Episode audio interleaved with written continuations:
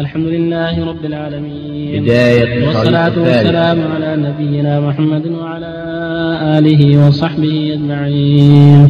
أما بعد قال الحافظ ابن القيم رحمه الله تعالى في باب في في فوائد ذكر الله تعالى الفائدة الخامسة والخمسون أن جميع الأعمال إنما شرعت إقامة لذكر الله تعالى والمقصود بها تحصيل ذكر الله تعالى. قال الله قال قال الله سبحانه وتعالى وأقم الصلاة لذكري. قيل المصدر مضاف من الفاعل أي لأذكرك بها وقيل مضاف إلى المذكور أي لتذكروني بها. واللام فيها لام التعليل وقيل هي اللام الوقتية أي أقم الصلاة عند ذكري.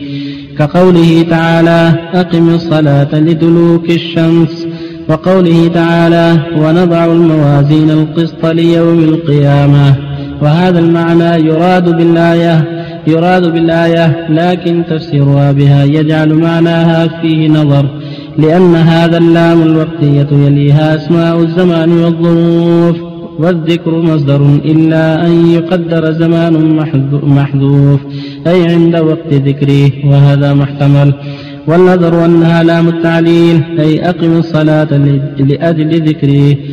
ويلزم من هذا أن, أن تكون إقامتها عند ذكره. وإذا ذكر العبد ربه فذكر الله تعالى سابق على ذكره.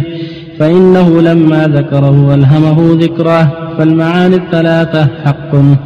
وقال سبحانه وتعالى اتل ما أوحي إليك من الكتاب وأقم الصلاة. إن الصلاة تنهى عن الفحشاء والمنكر ولذكر الله أكبر. فقيل المعنى إنكم في الصلاة تذكرون الله وهو ذاكر وهو ذاكر من ذكره. ولذكر الله تعالى إياكم أكبر من ذكركم إياه. وهذا يروى عن ابن عباس وسلمان وأبي الدرداء وابن مسعود رضي الله عنهم وذكر ابن أبي الدنيا عن فضيل بن مرزوق عن عطية ولذكر الله أكبر. قال هو قوله تعالى فاذكروني يذكركم فذكر الله تعالى لكم أكبر من ذكركم إياه. وقال ابن زيد وقتاده معناه وذكر الله أكبر من كل شيء. وقيل لسلمان أي الأعمال أفضل؟ فقال أما تقرأ القرآن ولذكر الله أكبر. ويشهد لهذا لهذا حديث أبي الدرداء المتقدم. ألا؟ ويشهد لهذا حديث أبي الدرداء المتقدم ألا أنبئكم بخير أعمالكم وأزكاها عند مليككم وخير لكم من إنفاق الذهب والورق. الحديث وكان شيخ الإسلام أبو العباس قدس الله روحه يقول الصحيح أن معنى الآية أن الصلاة فيها مقصودان عظيمان. وأحدهما أعظم من الآخر فإنها, فإنها تنهى عن الفحشاء والمنكر وهي مشتملة على ذكر الله تعالى ولما فيها من ذكر الله أعظم من نهي. ولما فيها من ذكر الله من ذكر الله أعظم من نهيه من نهيها عن عن الفحشاء والمنكر. وذكر ابن أبي الدنيا عن ابن عباس أنه سئل أي العمل أفضل. قال ذكر الله أكبر. وفي السنن عن عائشة رضي الله عنها عن النبي صلى الله عليه وسلم قال إنما جعل الطواف بالبيت وبين الصفا والمروة ورمي الجمار لإقامة ذكر الله تعالى. رواه أبو داود والترمذي وقال حديث حسن صحيح. بالله التوفيق صلى الله وسلم على رسول الله. وعلى آله وأصحابه ومن اهتدى بهدى أما بعد هذا أيضا من فوائد الذكر. الذكر جامع للخير كله.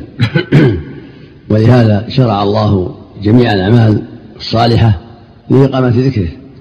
كالصلاة من إقامة ذكره والصوم من إقامة ذكره والزكاة من إقامة ذكره والحج من إقامة ذكره والجهاد من إقامة ذكره وهكذا.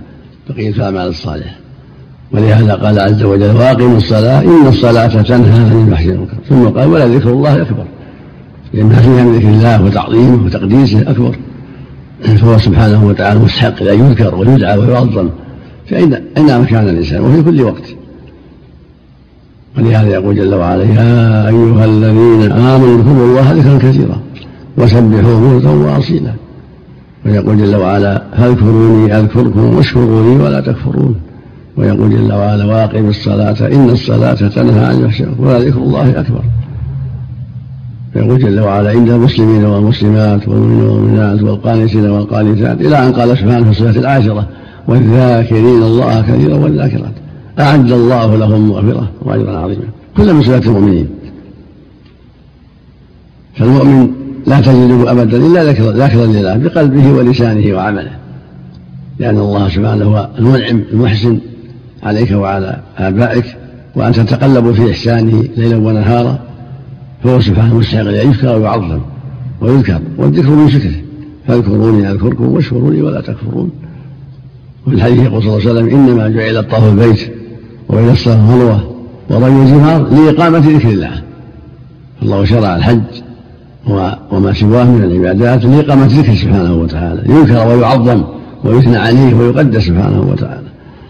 فهو الأهل لكل ذكر والحديث الصحيح حديث الدرداء يقول عليه الصلاة والسلام الا أنبئكم بخير أعمالكم؟ وأزكاها عند مليكم وأرفعها في درجاتكم. خير لكم من من نفاق الذهب والفضة ومن أن تلقوا عدوكم فتضربوا أعناقهم واضربوا اعناقهم قالوا قالوا بلى يا رسول الله. قال ذكر الله. ذكر الله باداء فرائضه وترك محارمه واشغال القلب واللسان والجوارح بما أوجب وما شرع هو اللباب والمقصود من هذه الحياة وفق الله الجميع. أحسن الله إليك. الذكر المقيد أم المطلق؟ كله كله داخل مقيد والمطلق المقيد الصباح والمساء وأدبار الصلوات والمطلق دائما. مشروع هكذا وهكذا. مشروع في أوقات مخصوصة ومشروع على العموم دائما. ولهذا تقول عائشة رضي الله عنها كان النبي صلى الله عليه وسلم يذكر الله على كل أحيان أخرجه مسلم. حتى لو كان على غير طهارة أحسن أيوه بقلبه ولسانه حتى ولو في الحمام بقلبه يكون في الحمام في قضاء الحاجة وقلبه مع الله. يشكر اللسان والعمل كله. لكن في الحمام يكون بالقلب عند محل قضاء الحاجة يكون بالقلب سابقكم الله يا شيخ. طيب قوله عليه الصلاة والسلام حديث القدسي الذي يروي عن ربه. أنا مع عبدي ما ذكرني وتحركت بي شفتي لا بأس به. طيب. معية خاصة. اي نعم يا شيخ عليه الصلاة والسلام وتحركت بي شفتاه. هذا يفهم من هذا أن الذكر لا يكون إلا بالنطق لا ما هو لازم لمن كان لا. لا هذا الذكر يكون باللسان يكون بالعمل. نعم الصلاة ذكر والصوم ذكر والجهاد ذكر والمشي إلى عيادة المريض ذكر وهكذا. لأن دافع قلبي قد يكون الذكر بالقلب ويكون الذكر باللسان ويكون بنفس العمل. سابقكم الله يا شيخ يعني النقشبندية يعني طريقة ذكرهم تقوم على الذكر الخفي. الذي هو ذكر. هذا هذا متصوف هذا من التصوف متصوف من من أهل البدع نعم. لا ذكر الله يكون بالقلب ويكون باللسان ويكون بالعمل يكون ذكر ظاهرا وخفيا. ظاهرا في محله وخفيا في محله. يتعارض الجرح والتعديل في الحديث أحسن الله إليك. يقدم الجرح. قدم إذا الجرح صدر مبين من عارف من أئمة من أئمة العارفين بالأسباب مبين سيء حفظ كذاب يعني يبين أسباب ويكون الجارح إمام معروف. أحسن الله إليك وإذا عرف بالشدة كالنسائي ولو. إذا كان بين السبب سبحانك اللهم. قال الحافظ ابن القيم رحمه الله تعالى في فوائد ذكر الله تعالى الفائدة السادسة والخمسون أن أفضل أهل كل عمل أكثرهم فيه ذكرا أكثرهم فيه ذكرا لله عز وجل فأفضل الصوام أكثرهم ذكر الله عز وجل أكثرهم ذكرا لله عز وجل في صومهم وأفضل المتصدقين أكثرهم ذكرا لله عز وجل وأفضل الحجاج أكثرهم ذكرا لله عز وجل وهكذا سائر الأعمال. وقد ذكر ابن أبي الدنيا حديثا مرسلا في ذلك أن النبي صلى الله عليه وسلم سئل أي أهل المسجد خير؟ قال أكثرهم ذكرا لله عز وجل. قيل أي أهل الجنازة خير؟ قال أكثرهم ذكرا لله عز وجل. قيل فأي المجاهدين خير؟ قال أكثرهم ذكرا لا ذكرا لله عز وجل. قيل فأي الحجاج خير؟ قال أكثرهم ذكرا لله عز وجل. قيل وأي العواد خير قال أكثرهم ذكرا لله عز وجل. العواد عواد.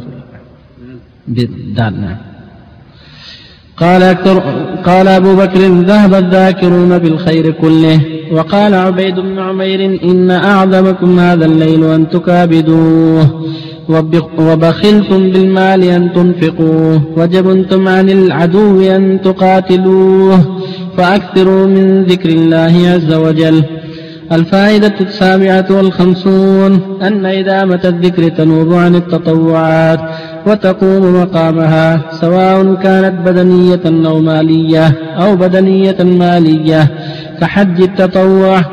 وقد جاء ذلك صريحا في حديث أبي هريرة رضي الله عنه أن فقراء المهاجرين أتوا رسول الله صلى الله عليه وسلم فقالوا يا رسول الله ذهب أهل الدثور من الأموال بالدرجات العلا والنعيم المقيم. يصلون كما نصلي ويصومون كما نصوم ولهم فضل أموالهم يحجون بها ويعتمرون ويجاهدون ويتصدقون. فقال ألا أعلمكم شيئا تدركون به من سبقكم وتسبقون به من بعدكم؟ ولا أحد يكون أفضل منكم إلا من صنع ما, صنع ما صنعتم. قالوا بلى يا رسول الله. قال تسبحون وتحمدون وتكبرون خلف كل صلاة.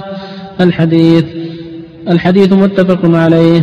فجعل الذكر عوضا لهم عما فاتهم من الحج والعمرة والجهاد. وأخبر أنهم يسبقونهم بهذا الذكر فلما سمع أهل الدثور بذلك عملوا به فازدادوا إلى صدقاتهم وعبادتهم بمالهم التعبد بهذا الذكر فحازوا الفضيلتين فنافسهم الفقراء وأخبروا رسول الله صلى الله عليه وسلم بأنهم قد شاركوهم في ذلك فانفردوا عنهم بما لا قدرة لهم عليه فقال ذلك فضل الله يؤتيه من يشاء. وفي حديث عبد الله بن بسر قال جاء أعرابي فقال يا رسول الله كثرت علي خلال, خلال الإسلام وشرائعه فأخبرني بأمر جامع يكفيني. قال عليك بذكر الله تعالى. قال ويكفيني يا رسول الله. قال نعم ويفضل عنك. فدله الناصح صلى الله عليه وسلم على شيء يعينه على شرائع الإسلام والحرص عليها والاستكثار منها. فإنه, فإنه إذا اتخذ ذكر الله تعالى شعاره أحبه وأحب ما يحب. فلا شيء أحب إليه من التقرب بشرائع الإسلام. فدله صلى الله عليه وسلم على ما يتمكن به من شرائع الإسلام وتسهل به عليه وهو ذكر الله وهو ذكر الله عز وجل. وبالله التوفيق. الحمد لله وصلى الله وسلم على رسول الله وعلى آله وأصحابه. أما بعد هذه الآثار كلها تدل على أن أفضل الأعمال ما كثر فيه ذكر الله. كل ما كان العمل ذكر الله فيه أكثر صار ثوابه أعظم وأجزل. فأفضل العاملين هم أكثرهم ذكرا لله عز وجل في صلاتهم وفي صومهم وفي زكواتهم وصدقاتهم وفي حجهم وفي جهادهم وفي غير ذلك. فأفضل العاملين الصالحين المتقين أفضلهم من كان أكثر ذكر لله عز وجل مع عمله القلبي والبدني. فالمؤمن يعمل بقلبه ولسانه وجوارحه. فالجوارح مشغولة بالعمل واللسان مشغول بالعمل والقلب مشغول بالعمل. وكله ذكر لله عز وجل خوف الله ومراقبته والشوق إليه وحسن الظن به هذا ذكر من ذكر القلب. والأذكار من التسبيح والتهليل والتحميد والتكبير من أذكار اللسان. والصلاة والصوم والصدقات والجهاد من أعمال الجوارح فكل ما كان العبد يجمع بين أنواع الذكر فيصلي وهو كثير الذكر يصوم يتصدق يحج وهو كثير الذكر لم يغفل كان عمله أكثر ثوابا. فأفضل المجاهدين أكثرهم ذكر الله وأفضل المصلين أكثرهم ذكر الله وتعظيما له. وأكثر المصدق أفضل المصدقين أكثرهم ذكر الله. وهكذا جميع الأعمال بهذا النسق. ولما صعب الأمر على الفقراء لما شاهدوا الأغنياء يتصدقون ويحجون ويعتمرون ويجاهدون من أموالهم قالوا يا رسول الله ذهب أهل الدثور بالأجور يعني ذهب أهل الأموال بالأجور يصلون كما نصلي. ويصومون كما نصوم ولهم فضل الأموال يتصدقون من ما عندنا شيء ويتصدقون ويعتقون. قال أفلا أدلكم؟ يقول لهم صلى الله عليه وسلم أفلا أدلكم على شيء إذا تعلموه؟ تدركم به من سبقكم وتسبق من بعدكم. ولا يكون أحد أفضل منكم إلا من صنع مثل ما صنعتم. قلنا قالوا بلى يا رسول الله. قال تسبحون وتحمدون وتكبرون. دبر, دبر كل صلاة ثلاثة وثلاثين مرة. سبحان الله والحمد لله والله وثلاثين مرة. والحديث الآخر تمام مئة لا إله إلا الله وحده لا شريك له له الملك وله الحمد وهو على كل شيء قدير. أخبرهم أنهم بهذه يسبقون من تأخر ويفضلون على غيرهم ويشاركون أهل الأموال في ذلك. بدل ما عجزوا عن الأموال يشاركون أهل الصدقات وأعمال الخير والعتق في هذا الذكر لأنهم عجزوا عن المال فاعتاضوا عن ذلك بأذكار الله. بالقلب واللسان والعمل. فأدركوا من سبقهم وسبقوا من تخلف عنهم. قال الفقراء فسمع إخوان أهل الأموال ففعلوا مثلنا. سمعوا بالذكر اللي قال الرسول صلى الله عليه وسلم. فجعلوا يسبحون ويحمدون ويكبرون دبر كل صلاة مثلهم. فجاء الفقراء يقولون يا رسول الله إن اخواننا الأغنياء فعلوا مثلنا. فقال النبي صلى الله عليه وسلم ذلك فضل الله يؤتيه من يشاء. إذا الله أعطى العبد كمال العبادة المالية والقلبية واللسانية والجهاله فضله يؤتي من يشاء سبحانه وتعالى. فيكون في الطبقه العليا جمعوا بين هذا وهذا. وجاءه رجل فقال يا رسول الله إن الشرع كثرت علي خصال الإسلام كثرت علي فأخبرني بباب جامع السبة به. فقال صلى الله عليه وسلم لا يزال لسانك رطبا من ذكر الله. يعني عليك بذكر الله فهو جامع. يسبق به الناس. من شاركهم في الخير والأعمال الصالحات ومع ذلك اجتهد في الذكر القلب واللسان والعمل فهو سابق. وله الفضل العظيم والدرجات العالية إذا أخلص لله وصدق وبذل وسعة في الخيرات.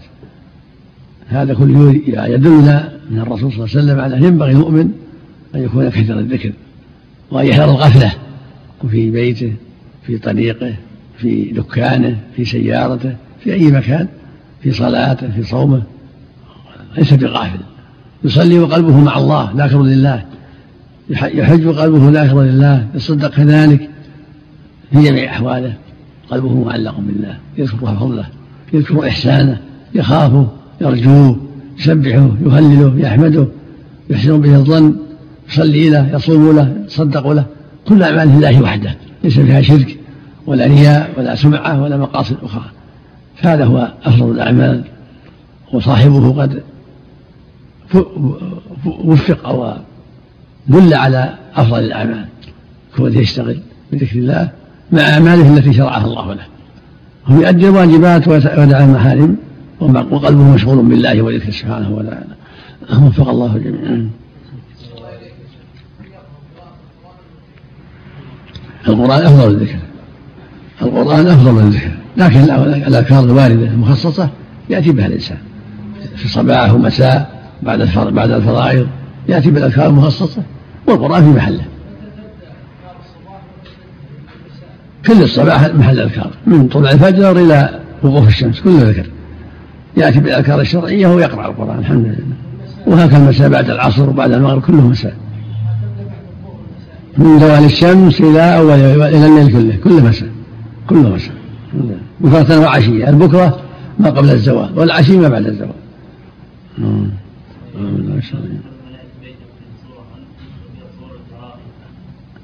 الصورة المنصوبة والمعلقة أما الممتهنة كالوسادة والبساط ما, ما تمنع. شيء شيء معلق. الجرى إذا كان مكبوسة في شيء مكبوس وهو معلق ولا شيء ما تضر أو في كتاب مصفوط. وهي معلقة ولا لكن إذا تيسر له أن يمحى رأسها طيب.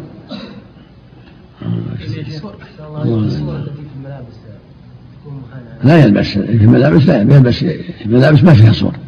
اللهم المسكوت يوكل مخالف. لا صورته. كلها بصورته. الله لا اله الا هو الحي القيوم لا اذا تبع المصور ولكن ما عليه لكن ليس معنى المصور.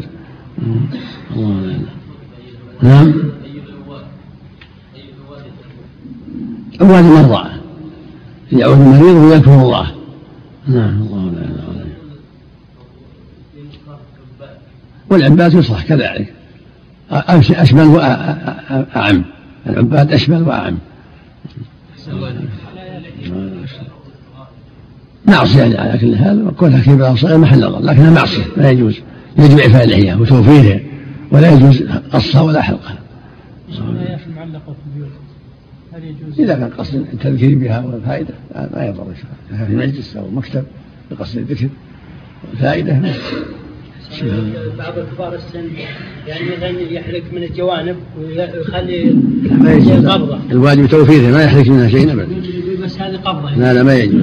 جزاك الله خير. قال الحافظ ابن القيم رحمه الله تعالى في فوائد ذكر الله تعالى. الفائدة الثامنة والخمسون أن ذكر الله عز وجل من أكبر العون على طاعته فإنه يحببها إلى العبد ويسهلها عليه ويلذذها له ويجعلها قرة عينه فيها والنعيم ونعيمه وسروره بها. بحيث لا يجد لها من الكلفة والمشقة.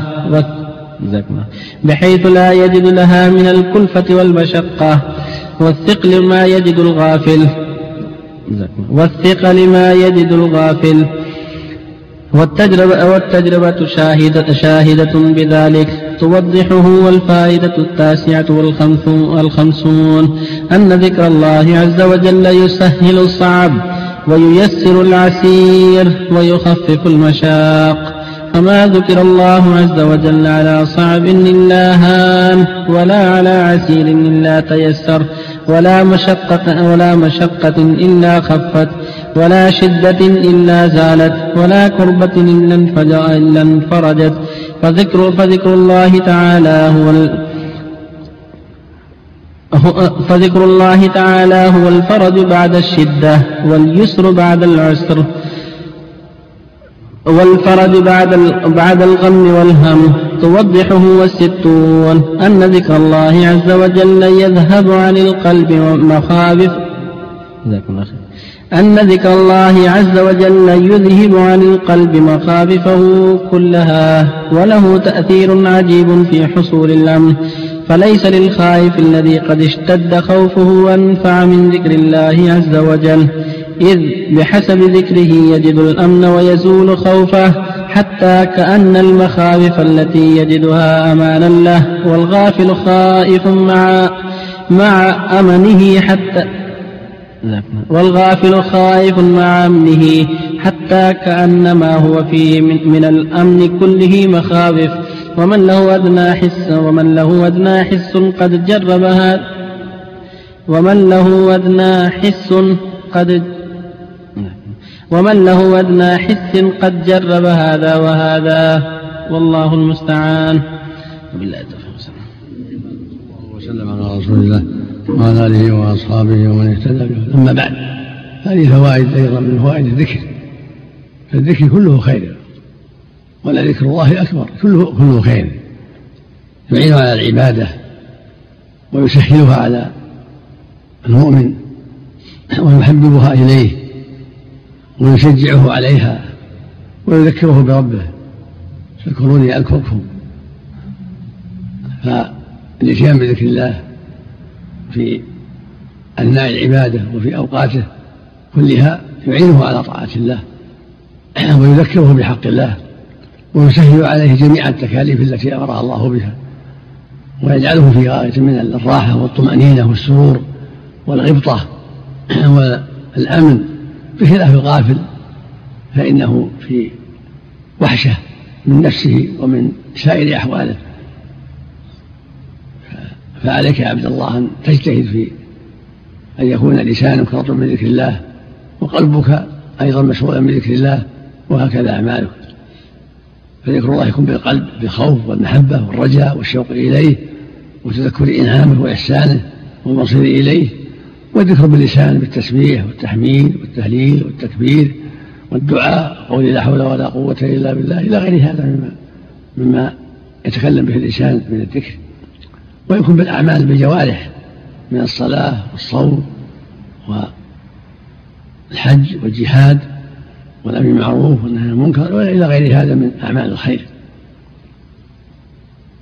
فجميع أعمال الخير كلها قوة لك وقوة لقلبك وتشجيع لك على طاعة الله ورسوله وإزالة للمخاوف من نفسك لأن من ذكر الله واطمأن إلى الله زالت مخاوفه وصار محلها الأمن والراحة والطمأنينة لأنه يعلم أن الله جل وعلا يذكر من ذكره. ويحب من ذكره. فاذكروني أذكركم واشكروا لي ولا تكفرون. ولذكر الله أكبر. ويقول جل وعلا لما ذكر أصناف المؤمنين ختمهم بقوله والذاكرين الله والذاكرات أعد الله لهم مغفرة وأجرا عظيما. وقال صلى الله عليه وسلم سبق المفردون قالوا يا رسول ما المفردون؟ قال الذاكر الله كثيرا والذاكرات سبقوا إلى كل خير لأن ذكرهم لله وشغلهم به جل وعلا يعينهم على أداء حقه وعلى الكف عن معصيته ويذكرهم بحقوقه والتفكير في ذلك فتكون أوقاتهم معمورة بطاعته ومعمورة بذكره ومعمورة بالحذر مما يغضبه سبحانه. وفق الله الجميع أقول ذكر ابن القيم عن نفسه أنه يذكر الله بقلبه في الخلاء أو في الحمام نعم. يذكر الله بالقلب في كل مكان. إيه. يعني وهو على حاجته. إيه. ذكر القلب على خوف القلب. وهو الله ومحبته وتعظيمه الشوق إليه. ذكر نعمه العظيمة إلى غير هذا من أذكار القلب. يعني وليس المراد أنه يعني يسبح ويهلل.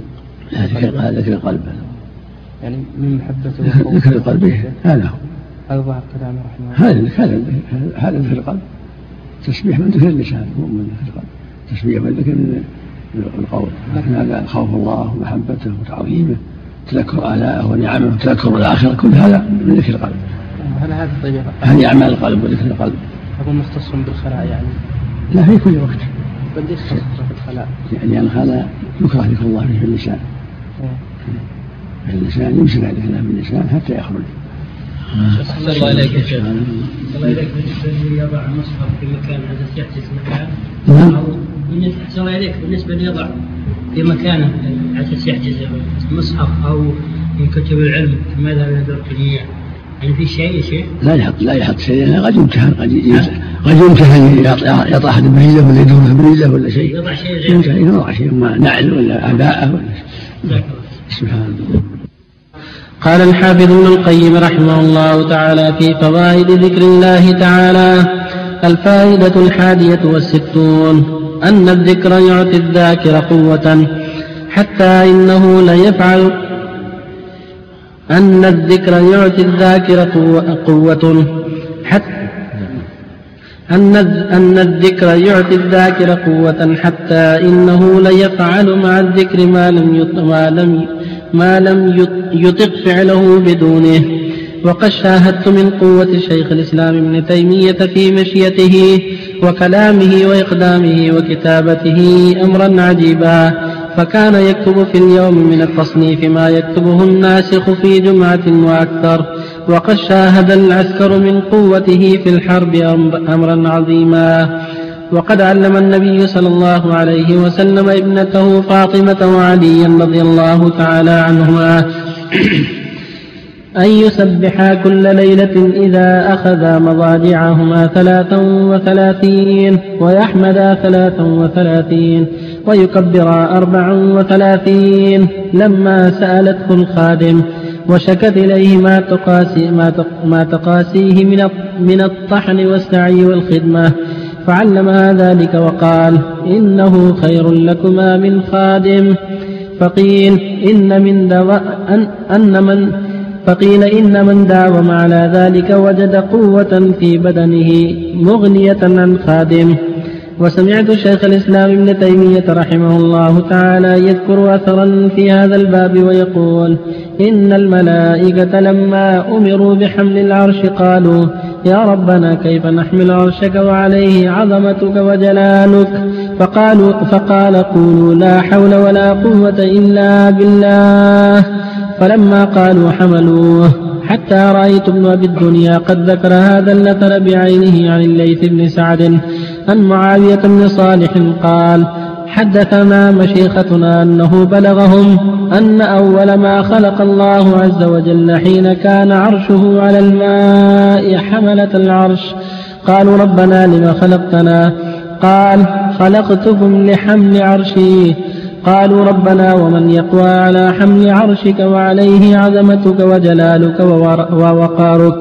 قال لذلك خلقتكم فأعادوا عليه ذلك مرارا فقال لهم قولوا لا حول ولا قوة إلا بالله فحملوه. وهذه الكلمة لها تأثير عجيب في معاناة الأشغال الصعبة وتحمل المشاق والدخول على الملوك ومن يخاف. وركوب الله وتحمل المشاق ودخول والدخول على على الملوك ومن يخاف وركوب الأهوال. ولها أيضا تأثير عجيب في دفع الفقر. كما رضبنا بالدنيا عن الليث بن سعد عن معاوية بن صالح عن أسد بن وداعة رحمه الله.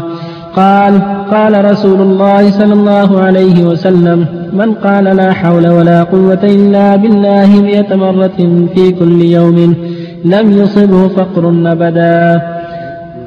لم يصبه فقر أبدا. فقر. نعم. لم يصبه فقر أبدا. وكان حبيب بن مسلمة يستحب إذا لقي عدوا أو ناهض حصنا قال لا حول ولا قوة إلا بالله وإنه ناهض يوما حصنا للروم فانهزم. فقالها المسلمون وكبروا فانهدم الحصن. الحمد لله والله وسلم على رسول الله وعلى آله وأصحابه ومن اهتدى به أما بعد هذه الآثار كلها تدل على أن الذكر له شأن عظيم في قوة العبد على طاعة الله وفي قوته في أعماله البيتية وغيرها وفي جهاده لأعداء الله.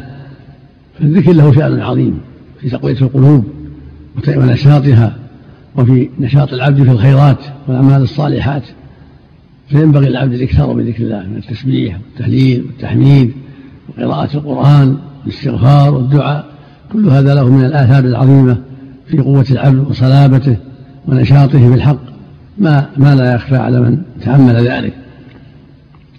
ولما اشتكت فاطمة رضي الله عنها النبي صلى الله عليه وسلم تعب الرحاء وتعب البيت وطلبت منه خادما وكان ليس عنده خادم ذلك الوقت. فقال لها ولأخيها ولزوجها علي رضي الله عنهما تسبحون وتحمدون وتكبرون عند النوم ثلاث ثلاثين مرة. قال هذا خير لكم من خادم. سبحان الله والحمد لله والله أكبر. ثلاث وثلاثين مرة. عند والسعود يختم المئة بالله أكبر.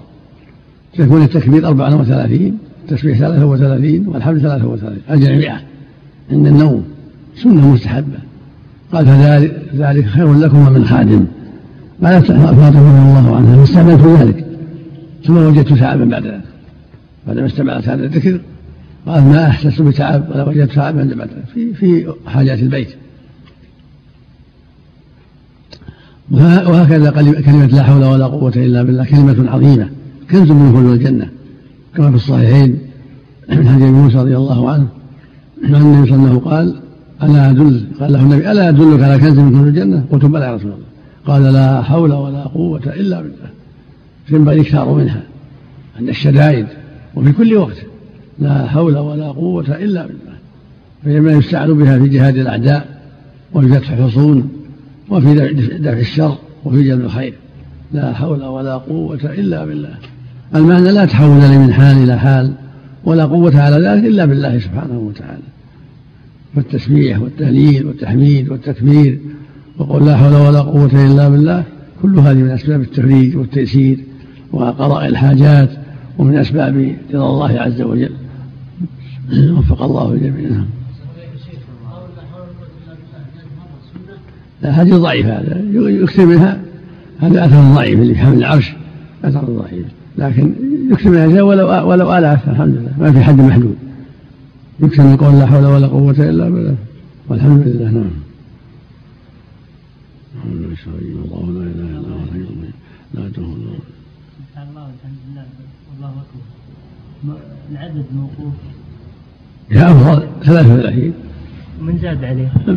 زيادة خير الحمد لله. ما, يضر لكن راتب على هذا بدأ يزيد يزيد بعد ذلك.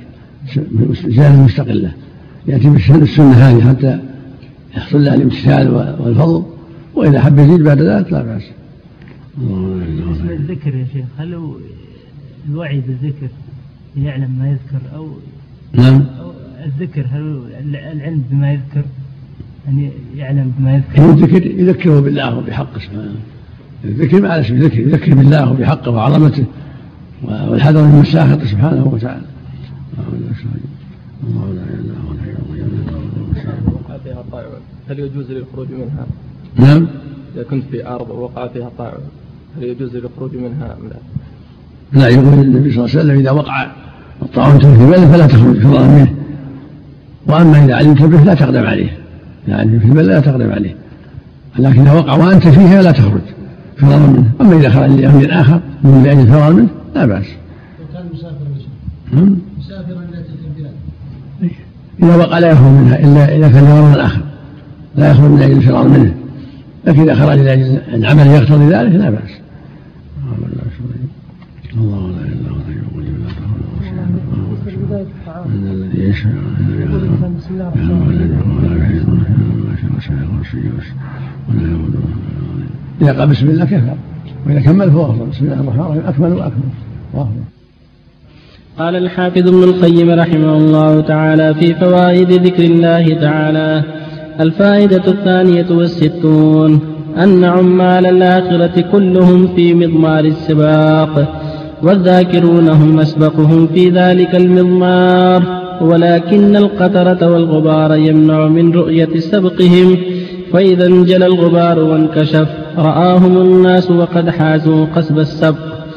قال الوليد بن مسلم حدثنا محمد بن عجلان سمعت عمر سمعت عمر مولى غفرة يقول إذا انكشف الغطاء للناس يوم القيامة عن ثواب أعمالهم لم يروا عملا أفضل ثوابا من الذكر فيتحسر عند ذلك أقوام فيقولون ما كان شيء أيسر علينا من الذكر فقال أبو هريرة رضي الله عنه قال رسول الله صلى الله عليه وسلم سيروا سبق المفردون. قالوا وما المفردون؟ قال الذين أهتروا في ذكر الله تعالى يضع الذكر أي يضع الذكر عنهم موزارهم اهتروا بالشيء اهتروا بالشيء وفيه أولعوا به ولزموه وجعلوه دأبهم. في بعض ألفاظ الحديث المستهترون بذكر الله. ومعناه الذين أولعوا به. يقال استهتر فلان بكذا إذا أودع به. وفيه تفسير آخر أن أهتروا في ذكر الله أي كبروا وهلك أقرانهم وهم في ذكر الله تعالى. يقال أهتر, أهتر الرجل فهو مهتر إذا سقط في كلامه من الكبر. إذا سقط في كلامه من الكبر. والهتر السقط من, من الكلام كأنه بقي في ذكر الله تعالى حتى حتى خرف وأنكر عقله. حتى خرف وأنكر عقله. حتى خرف وأنكر عقله. والهدر والباطل أيضا ورجل مستهتر إذا كان كثيرا إذا كان كثير كثير الأباطيل. وفي حديث ابن عمر أعوذ بالله أن نكون من المستهترين. وحقيقة اللفظ أن الاستهتار الإكثار من الشيء والولوع به حقا كان أو باطلا وغلب في عرف الناس استعماله على المبطل. حتى إذا قيل فلان مستهتر لا يفهم منه إلا الباطل. وإنما إذا قيد بشيء تقيد به نحوه ومستهتر وقد أهتر في ذكر الله تعالى أي أولع به وأغري به. ويقال استهتر به وفي استهتر فيه وبه. وتفسير هذا في الأثر الآخر أكثروا ذكر الله تعالى حتى يقال مجنون. الثالثة والستون أن الذكر سبب لتصديق الرب عز وجل عبده فإنه أخبر عن الله تعالى بأوصاف كماله ونعوت جلاله فإذا أخبر بها العبد صدقه ربه ومن صدق الله تعالى لم يحشر مع الكاذبين ورجي له أن يحشر مع الصادقين. روى أبو إسحاق عن الأغر أبي مسلم أنه شهد على أبي هريرة وأبي سعيد الخدري رضي الله عنهما أنهما شهدا على رسول الله صلى الله عليه وسلم أنه قال إذا قال العبد لا إله إلا الله والله أكبر قال يقول الله تبارك وتعالى صدق عبدي لا إله إلا أنا وأنا أكبر وإذا قال لا إله إلا الله وحده قال صدق عبدي لا إله إلا أنا وحدي. وإذا قال لا إله إلا الله وحده لا شريك له قال صدق عبدي لا إله إلا أنا. لا شريك لي. وإذا قال لا إله إلا الله له الملك وله الحمد قال صدق عبدي. لا إله إلا أنا لي الملك ولي الحمد. وإذا قال لا إله إلا الله ولا حول ولا قوة إلا بالله قال صدق عبدي لا إله إلا أنا ولا حول ولا قوة إلا بي. قال أبو إسحاق ثم قال قال أبو إسحاق قال أبو إسحاق ثم قال الأغر شيء لم أفهم. قلت لأبي جعفر ما قال؟ قال من رزقهن عند موته لم تمسه النار. الله وسلم على رسول الله أما بعد هذه الآثار مع الحديث كلها تدل على فضل الذكر وأن أهله هم السابقون إلى كل خير. وهم أولياء الله وهم أرفع الناس درجة في يوم القيامة لكثرة ذكرهم لله. كل ما كان ذكره لله أكثر صار عمله الصالح أعظم وأكبر. لأن الذكر يكون بالقلب واللسان والعمل ويحمل على تصحيح الأوضاع والاستقامة على الحق. هكذا يكون الذاكر الصادق. يؤدي الواجبات ويبتعد عن المحرمات ويستكثر من أنواع الذكر. التسبيح والتهليل والتحميد والتكبير وقول لا حول إلا بالله مع الإكثار من جميع العبادات التي فيها ذكر الله. من هذا الباب يقول صلى الله عليه وسلم سبق المفردون في بعض أسفاره. قال سبق المفردون. فإذا ما المفردون قال الذاكر الله كثيرا والذاكرات. يعني سبقوا إلى كل خير. فالإكثار من ذكر الله يحرك القلوب إلى طاعات الله. ويجدد لها طاعة الله ويبعدها عن أسباب غضب الله. كما تقدم في الحديث صلى الله عليه وسلم ألا أنبئكم بخير أعمالكم وأزكاها عند مليككم وأرفعها في درجاتكم وخير لكم من أن تلقوا عدوكم وتضربوا أعناقهم فيضربوا أعناقهم وتضربوا أعناقهم. قالوا بلى فقال ذكر الله. المقصود أن ذكر الله يتضمن أداء فرائضه وترك محارمه والوقوف عند حدوده. وتعظيم أمره ونهيه والأمر بالمعروف والنهي عن المنكر إلى غير هذا من وجوه الخير. لأن يعني الذكر يحمل على كل خير. ذكر الله بالقلب واللسان والجوارح يحمل العبد على كل خير. نسأل الله أن يجعلنا وإياكم من الذاكرين. الله عليك أفضل الذكر لا إله إلا الله. أفضل الذكر لا إله إلا الله وحده لا شريك له الملك وله على كل شيء قدير. مع التسبيح والتحميد والتكبير يقول صلى الله عليه وسلم حب كلام الله أربع. سبحان الله والحمد لله ولا إله إلا الله والله اكبر ويقول باقيات الصالحات سبحان الله والحمد لله ولا إله إلا الله والله أكبر. ولا حول ولا قوة إلا بالله. لكن مع الذكر القلب والجارح مع العمل بطاعة الله وترك معصيته. أحسن الله عليك لو لم يذكر إلا لا إله إلا الله في اليوم فقط. كله طيب. يقول النبي صلى الله عليه وسلم من قال لا إله إلا الله لا شريك له له الملك وله الحمد وهو على كل شيء قال في يوم مئة مرة. كانت له عدل عشر رقاب يعتقها يعني. كتب الله له مئة حسنة وعنه مئة سيئة.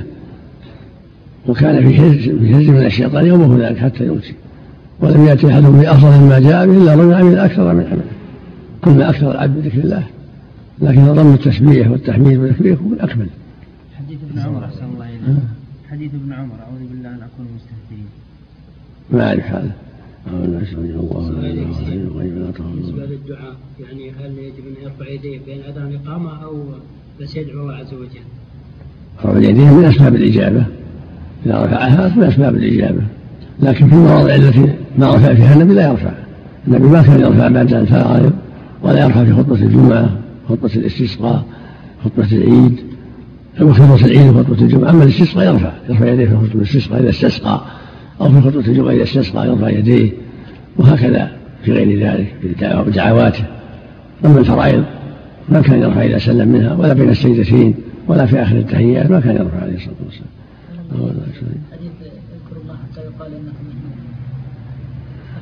ما أذكرها سنده ما علق عليه عندك أظن سبق. سبق بعض الفوائد السابقة. تراجع عنده. تراجع. الله يا شيخ عند البدء بالطعام أمس ذكرتم نعم. لما اوجه لكم سؤال حول التسمية قبل الطعام. لو قال رجل زاد بسم الله الرحمن الرحيم. زاد الرحمن الرحيم. هي ثابتة في طرق الحديث؟ التسمية إذا أطلقت فيه بسم الله الرحمن الرحيم. إذا عند أطلقت البدء بالطعام إيه. إن سمى قال بسم الله كفى. وإن قال بسم الله الرحمن الرحيم هو أكمل. بس يا شيخ ثابت. هذه قاعدة إذا قيل بسم الله يعني بسم الله الرحمن الرحيم. اسم علما عليه. أي نعم. علم على بسم الله الرحمن الرحيم. أي نعم. المسند مرفوعا أكثروا من ذكر الله تعالى حتى يقال. مغلوب رواه أحمد في المسند والحاكم قال صحيح الإسناد وليس كما قال بل هو ضعيف كما قال الألباني في الأحاديث الضعيفة. مم. سيورده المصنف من كلام ابن مسلم القولاني بلفظ المقارب من حديث الراد أبي السمح عن أبي الهيثم عن أبي سعيد. وقراد من عن أبي الهيثم ضعيف طيب. ضعيف نعم. لكن إكثر من ذكر الله يكفي. أحسن الله لك استحضار سواء كان في الحق أو في الباطل. يلزم الشيء كان في الحق أو في الباطل. ما استحضر بهذا لازمه وأكثر منه لكن أكثر من الشيء في الباطل. استهتر بالسب مستهتر بالغيبة مستهتر بالزنا مستهتر بالخمر. الغالب استعماله لا يطلق على الحق استحضار بذكر الله يعني أكثر منه ولزمه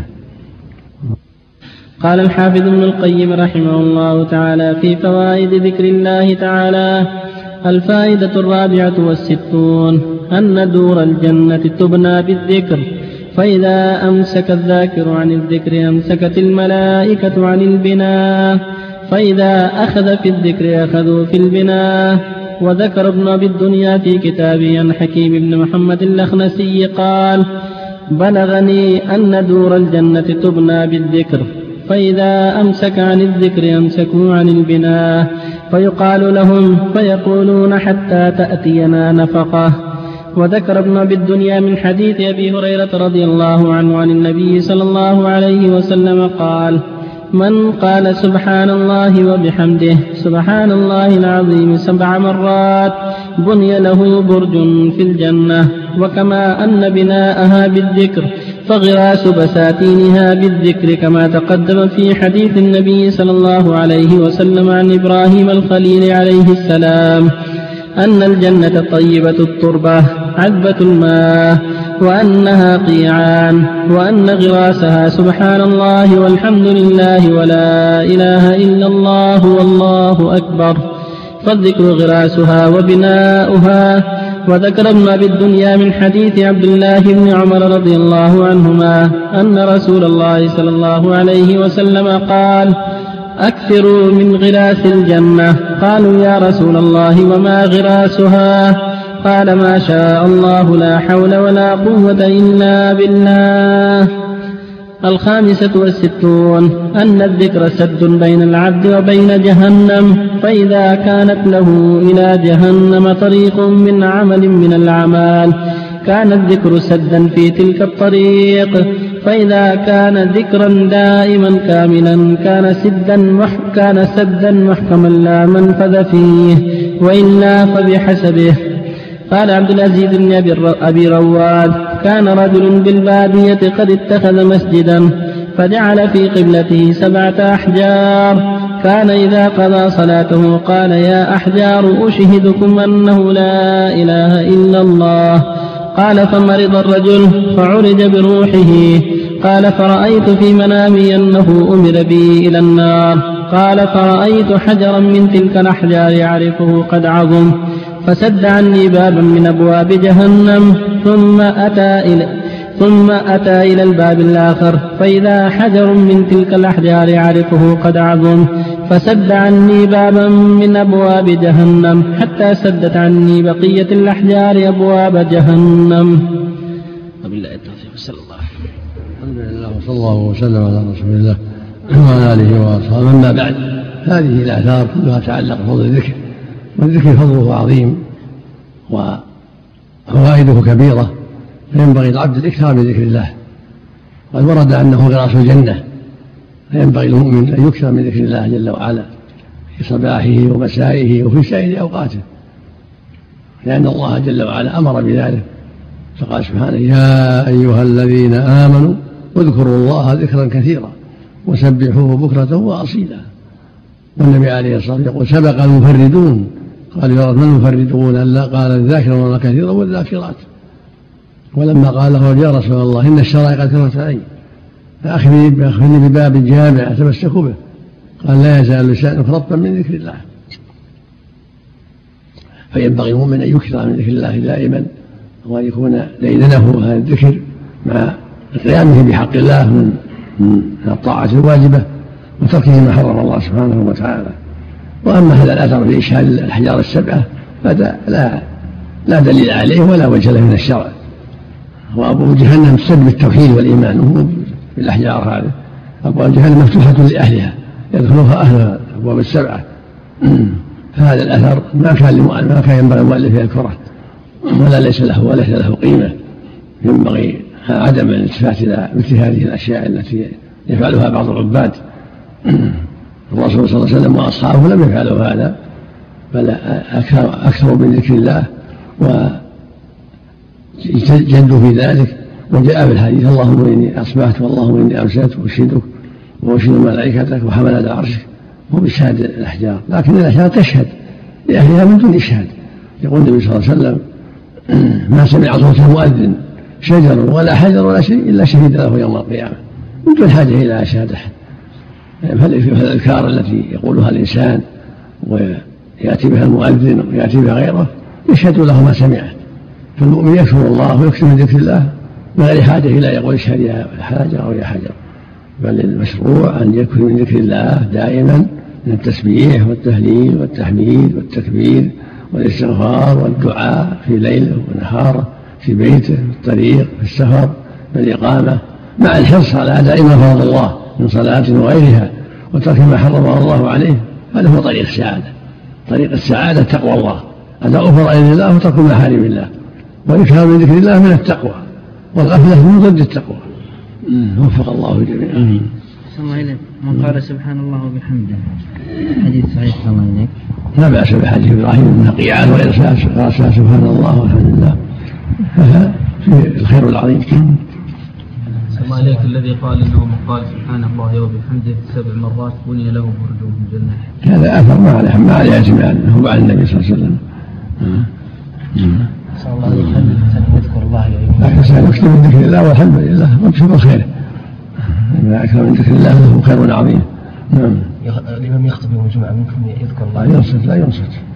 عليه الانصات. في نفسه. الخطبة ينصت واذا راح ينصت. نعم. لكن إذا مرت الصلاة على النبي صلى على النبي صلى الله عليه وسلم بينه وبين نفسه وإذا ذكر الله في نفسه لا يضر. صلى الله إليك. إذا إذا دعا الإمام وعلى المنبر يأمنون أحيانا يصير الصوت مرتفع. لا يصير لا لا يرفع الصوت. يأمن بدون صوت الصوت. يصير من اللغو يا شيخ يأمن بدون رفع الصوت. السنة عدم رفع الصوت. جزاك الله. حديث هذا. أن الأمن في الأوطان نعمة ونعمتان إحداهما الصحة في الأبدان. هل هذا حديث؟ لا ما ليس بحديث. الحديث نعمتان مغبور في وكثير من الناس الصحة والفراغ